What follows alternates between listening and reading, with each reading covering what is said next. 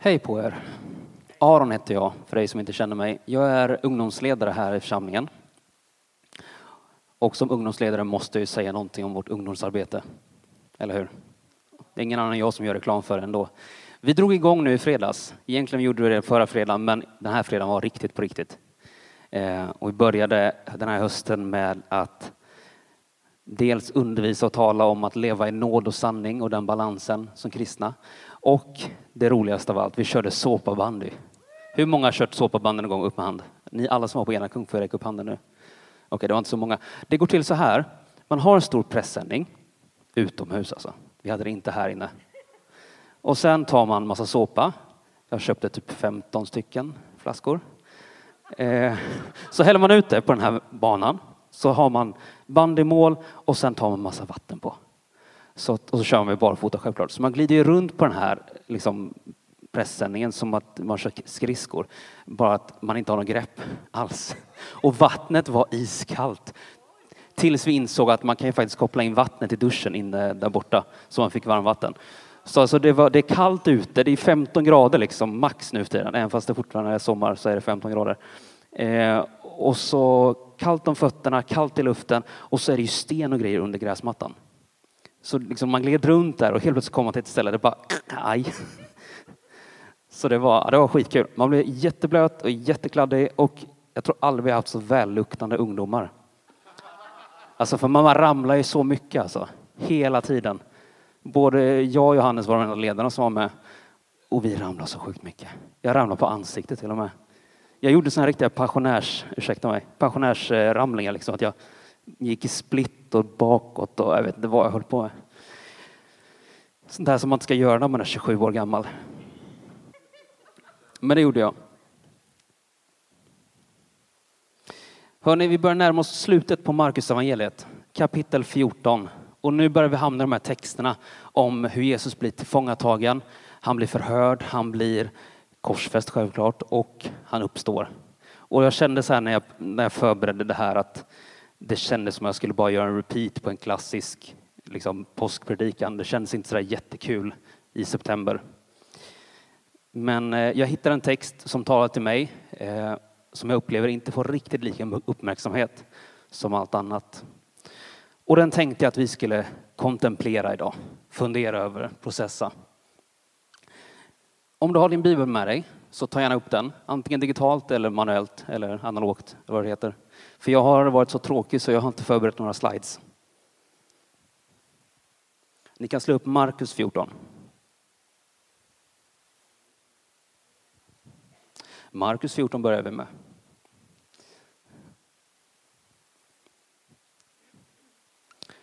Och när du kommit dit kan du scrolla ner till vers 3.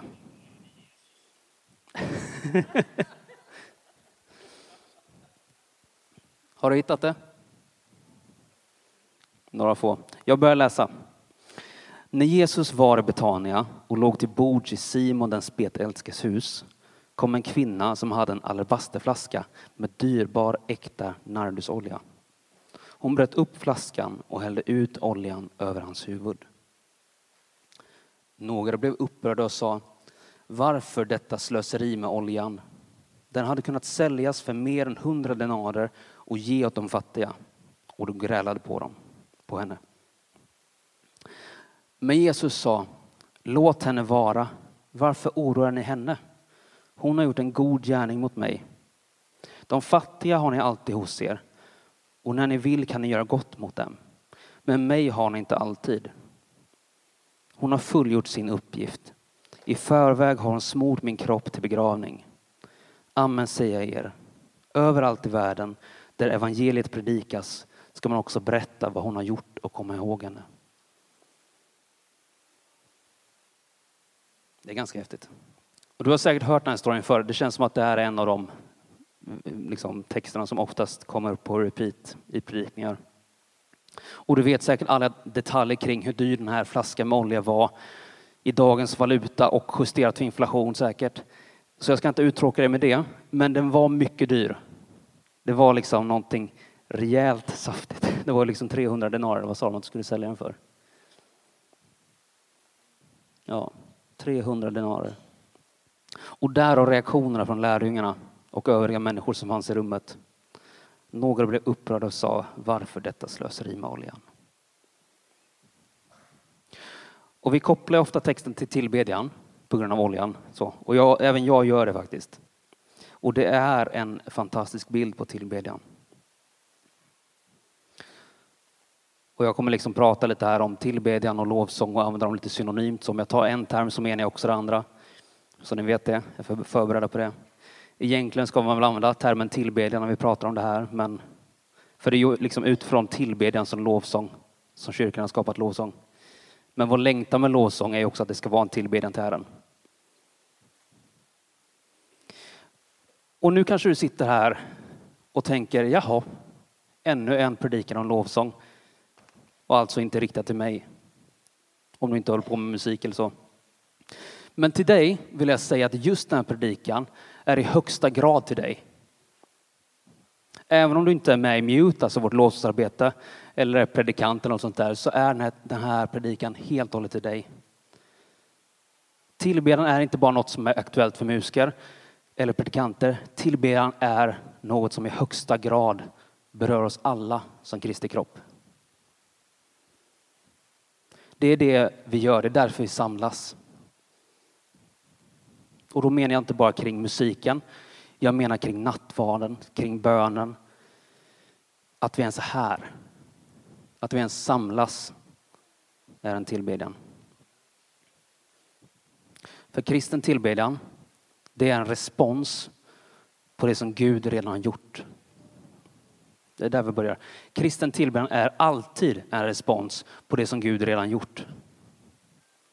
Till skillnad från andra religioner där kanske de tillber Gud eller till och med gudarna för att kontrollera dem eller ändra på dem, att få dem att ändra uppfattning. Men vi tillber för det som han redan gjort till oss. Initiativet ligger hos vår Gud. Är inte det bra? Och i Markus 14 så är det precis så här. Den här kvinnan har upplevt någonting av Jesus. I Markus får vi inte reda riktigt på vad det är. Men i Johannes evangeliet står ungefär samma text och där står det istället att det är Maria som gör det. Och vem är Maria då? Ja, det är inte Jesu mor i alla fall. Den här texten hamnar då strax efter att Jesus uppväckt Lazarus från de döda. Det är alltså Lazarus syster Maria. Alltså så här. Jesus, nej, Lazarus är sjuk. Hans systrar Marta och Maria skickar bud till Jesus och säger att din vän är sjuk, kom hit och hela honom. Men han kommer inte. Han slöar på vägen. Och när han väl kommer så är Maria helt förtvivlad. Så Maria går ut till honom och, och säger till honom så här. Herre, om du hade varit här skulle min bror inte ha dött. Och det står sen att Jesus blev häftigt upprörd. Och sen kommer den kortaste versen i Nya Testamentet där det står och Jesus grät. Och de tar Jesus till graven och sen vet vi vad som händer. Han säger till dem, flytta på stenen. Så kallar han ut Lazarus och han kommer ut liksom med liksom hela mumifieringsgrejen. Alla lindorna och ansiktsdukarna och alltihopa. Och han får liv igen. Och det är efter den här händelsen som de har middag i Simons hus troligen med Lazarus och Maria kommer in med den här alabasterflaskan med nardusoljan, bryter den helt och hållet och häller alltihopa över Jesu huvud. Hon tar det hon har och ger det fullt ut till Jesus. Det kanske inte är hela hennes förmögenhet hon tar, men hon tar det dyrbaraste en av de dyrbaraste sakerna antar jag i fall i hennes hem och ger det helt och hållet till honom. Och det är den här oljan som får liksom, i berättelsen så får representera våran tillbedjan, vår respons på det som Jesus har gjort för oss. I Matteus 18.20 så står det så här. Där två eller tre samlade i mitt namn så är jag mitt ibland dem. Att de två eller tre personerna ens träffas i Jesu namn är ju en respons på någonting han gjort. Eller hur? De skulle inte träffas om inte Jesus hade gjort någonting med dem, annars finns det ingen anledning att träffas i Jesu namn. Men inte bara det. Där två eller tre är samlade i Jesu namn så är inte bara Jesus närvarande utan där är kyrkan.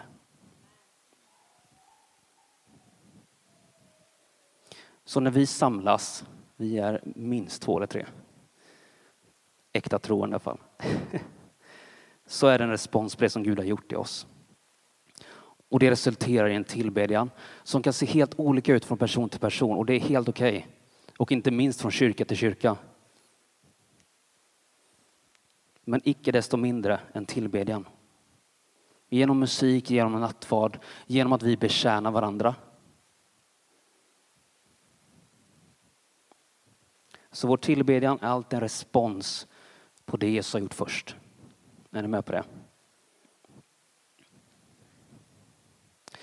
Och när vi pratar om det här med respons och alltihopa så kan vi också fastna i, tänker jag, att tillbedjan blir, vad ska man säga, att han bara förtjänar vår tillbedjan. Har ni hört en gång? Vi pratar ofta om det. Jag säger ofta det. Att Jesus förtjänar vår tillbedjan. Och vi kan fastna i det. Jag känner att jag har fastnat i det. Och jag tror också att det kan finnas fler här som upplever det.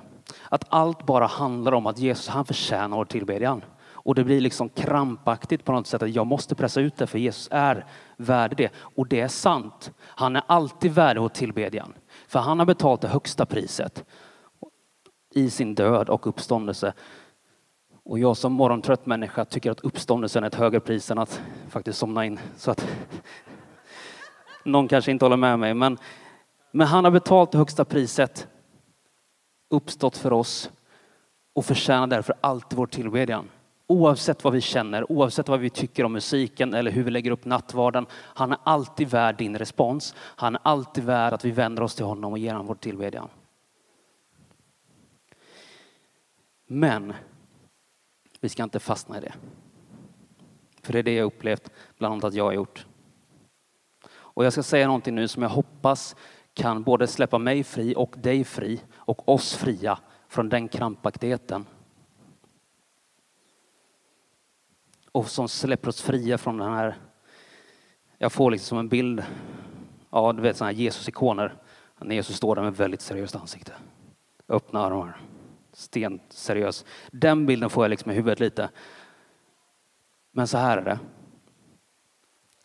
Han förtjänar inte bara vår tillbedjan. Han längtar efter den. Han längtar efter att du ska komma med din tillbedjan till honom. Vår tillbedjan, din tillbedjan berör hans hjärta. Det glädjer honom. Han står där med öppna armar och inte ett stort allvarligt ansiktsuttryck utan han står med ett stort leende och bara säger kom till mig. Jag längtar efter dig.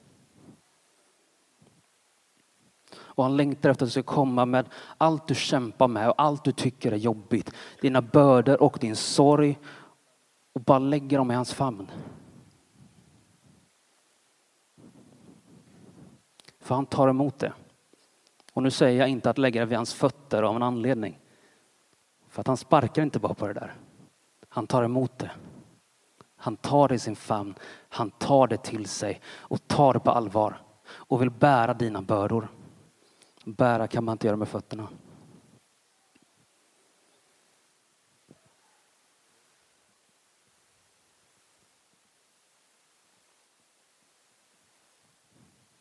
Han längtar efter din tillbedjan. Och framförallt det som släpper lös mig, som befriar mig, är tanken på att han gläds av min tillbedjan. Det är liksom inget tvång i det. Han bara njuter av det. Och det får gå upp som en välluktande olja till honom.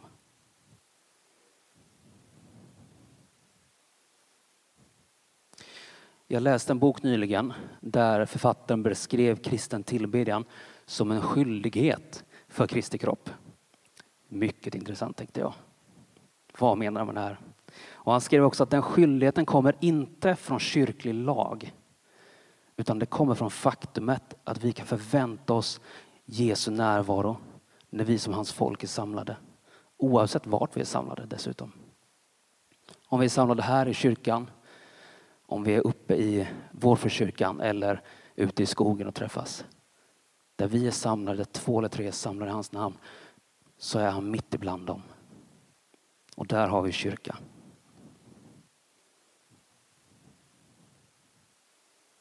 Men varför väljer Jesus att vara närvarande? Varför sa han ens det här löftet att han ska vara närvarande när han skulle dö och stiga upp till himlen? För på ett sätt så är det hans ande som är här och han är i himlen. Men han säger ju att där två eller tre är samlade mitt namn, där ska jag vara mitt ibland dem.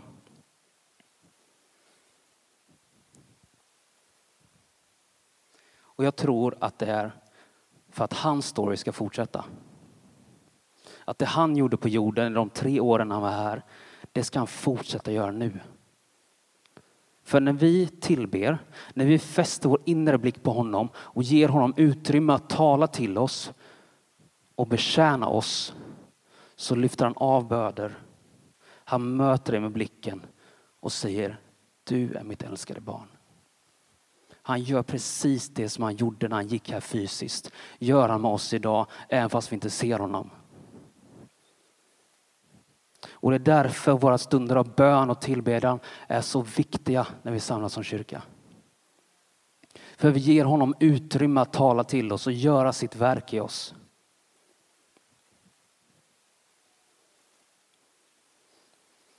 Kan du ha den bilden framför dig som jag just beskrev?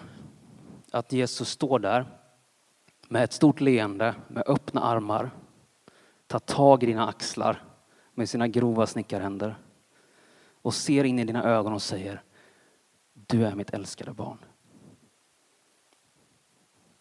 Ha den bilden framför ögonen nästa gång du tycker att pianot låter falskt. Eller att du tycker att det är helt fel att vi använder särkalk. Eller att du är alldeles överlycklig över att vi använder särkalk i nattvarden. Jesus står bara där med öppna armar och säger Du är mitt älskade barn.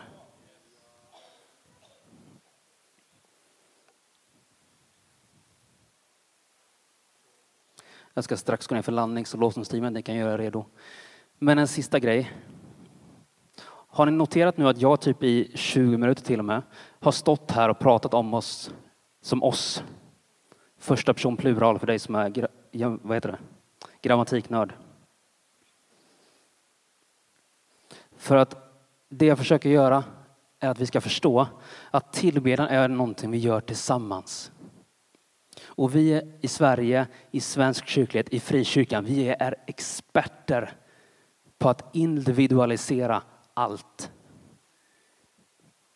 Men det handlar liksom om me, myself, I, det som ni, som ni vet, som ni har hört många gånger. Det handlar om min tro, min bekännelse, min Jesus. Men kyrka och tillbedjan, det är kollektivt. Och det är någonting jag tror vi behöver få tag på och fatta att när vi står och tillber, när vi tar nattvarden, när vi sjunger vår lovsång, så gör vi det inte som individuella öar över hela det här rummet. Vi gör det som ett folk, som Guds folk. Och inte nog med det. Vi stämmer också in i den världsvida kyrkans lovsång och änglarnas tillbedjan i himlen där de sjunger helig, helig, helig är Herren Gud allsmäktig. Han som var, han som är och som kommer. Du, vår Herre och Gud, är värdig att få härlighet, ära och makt. Du har skapat allt och genom din vilja skapades det och finns till. Som det står i Uppenbarelseboken.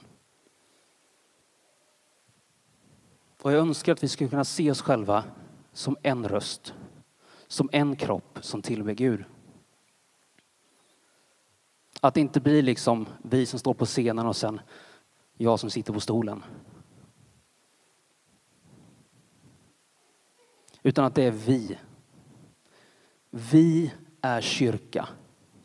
Vi är församling. Vi tillber Gud. Vi samlas kring ordet.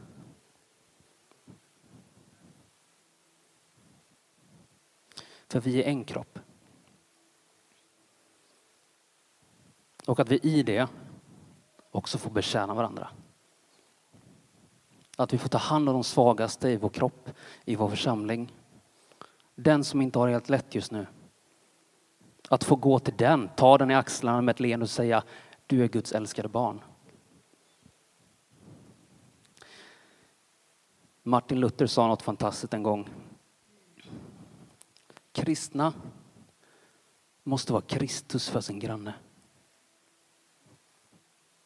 Hur mäktigt är inte det? Att du och jag får vara som Jesus för våra grannar. Vi får vara som Jesus för våra medmänniskor.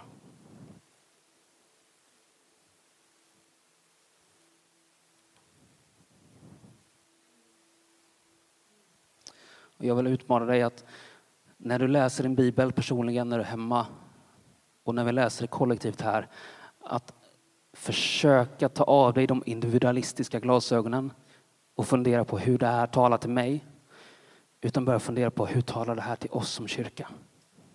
Hur talar det här till oss som Kristi kropp? För allting får en helt ny betydelse då. Så bara för att summera. Jesus är alltid värd vår tillbedjan. Vår tillbedjan är alltid en respons på det som han gjort först för oss. Och han längtar och gläder sig så efter din tillbedjan. Och när vi tillber honom så gör vi det tillsammans. Jag drömmer så om att vi ska kunna stå i tillbedjan och verkligen vara en röst. Alltså. Och man kan känna det liksom lite i luften när det händer. När man inte längre står där och tillber Gud för sig själv utan när vi gör det tillsammans. När man tillber för, inte bara för sig själv och låter Gud tala till mig utan jag tillber också för att min granne ska bli fri. Jag bjuder in Guds närvaro för att det ska få förlösas någonting här.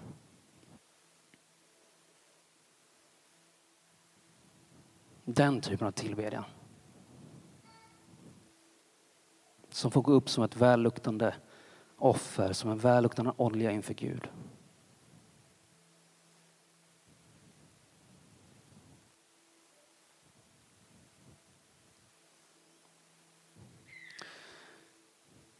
När jag var 14 år någonting så hade jag ett tillfälle när jag fick så här, ett omvändelsetillfälle. Det var inget spektakulärt men jag fick bestämma mig då att jag vill leva för dig Jesus. Och jag fick smaka på hans närvaro. Och jag blev så hungrig efter mer. Men det var inte mer med det då. Men när jag kom hem så resulterade det i att jag efter skolan flera gånger bara satte på lås i mitt rum och bara lät Gud tala till mig.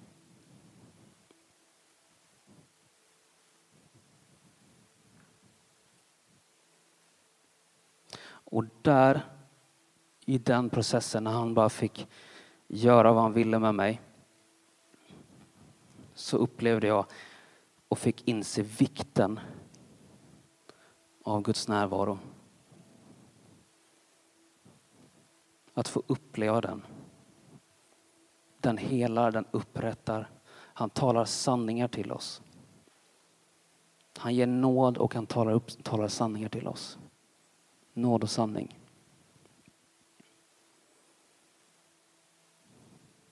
För hans närvaro är här när vi är samlade. Så sök den. Om du inte upplever någonting, fäst din inre blick på honom. Låt han se dig i ögonen.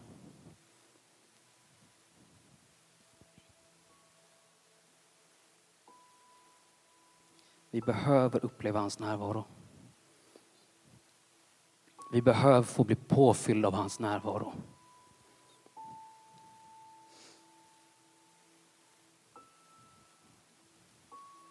Det räcker inte att du bara lyssnar på predikan riktigt. Du behöver få bli påfylld också. Få höra hans ord till dig. Låta han bära dina bördor.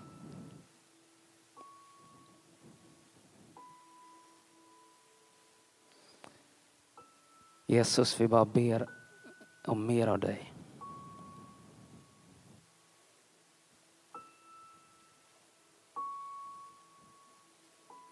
Tack att vi får med dig. Tack att vi samlas i ditt namn. Tack att du skapade kyrkan, att vi får ha varandra, att vi får vara en kropp. Jag tackar dig, jag ärar dig för det. Ensam kristenhet hade inte riktigt varit lika kul som det här. Att få vara en kropp tillsammans, att få betjäna varandra, att få uppleva dig tillsammans.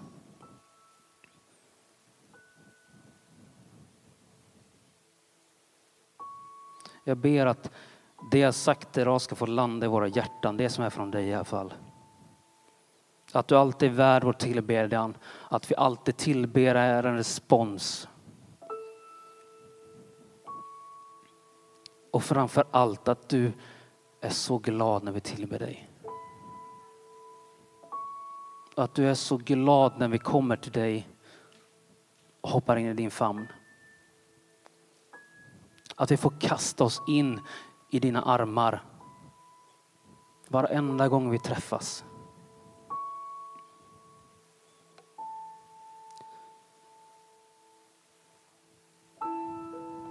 Och vi ber om mer av dig. Både att du ska upprätta oss och tala sanningar in i oss för att göra oss så lika dig som möjligt. Så att vi sen kan vara som dig för våra grannar.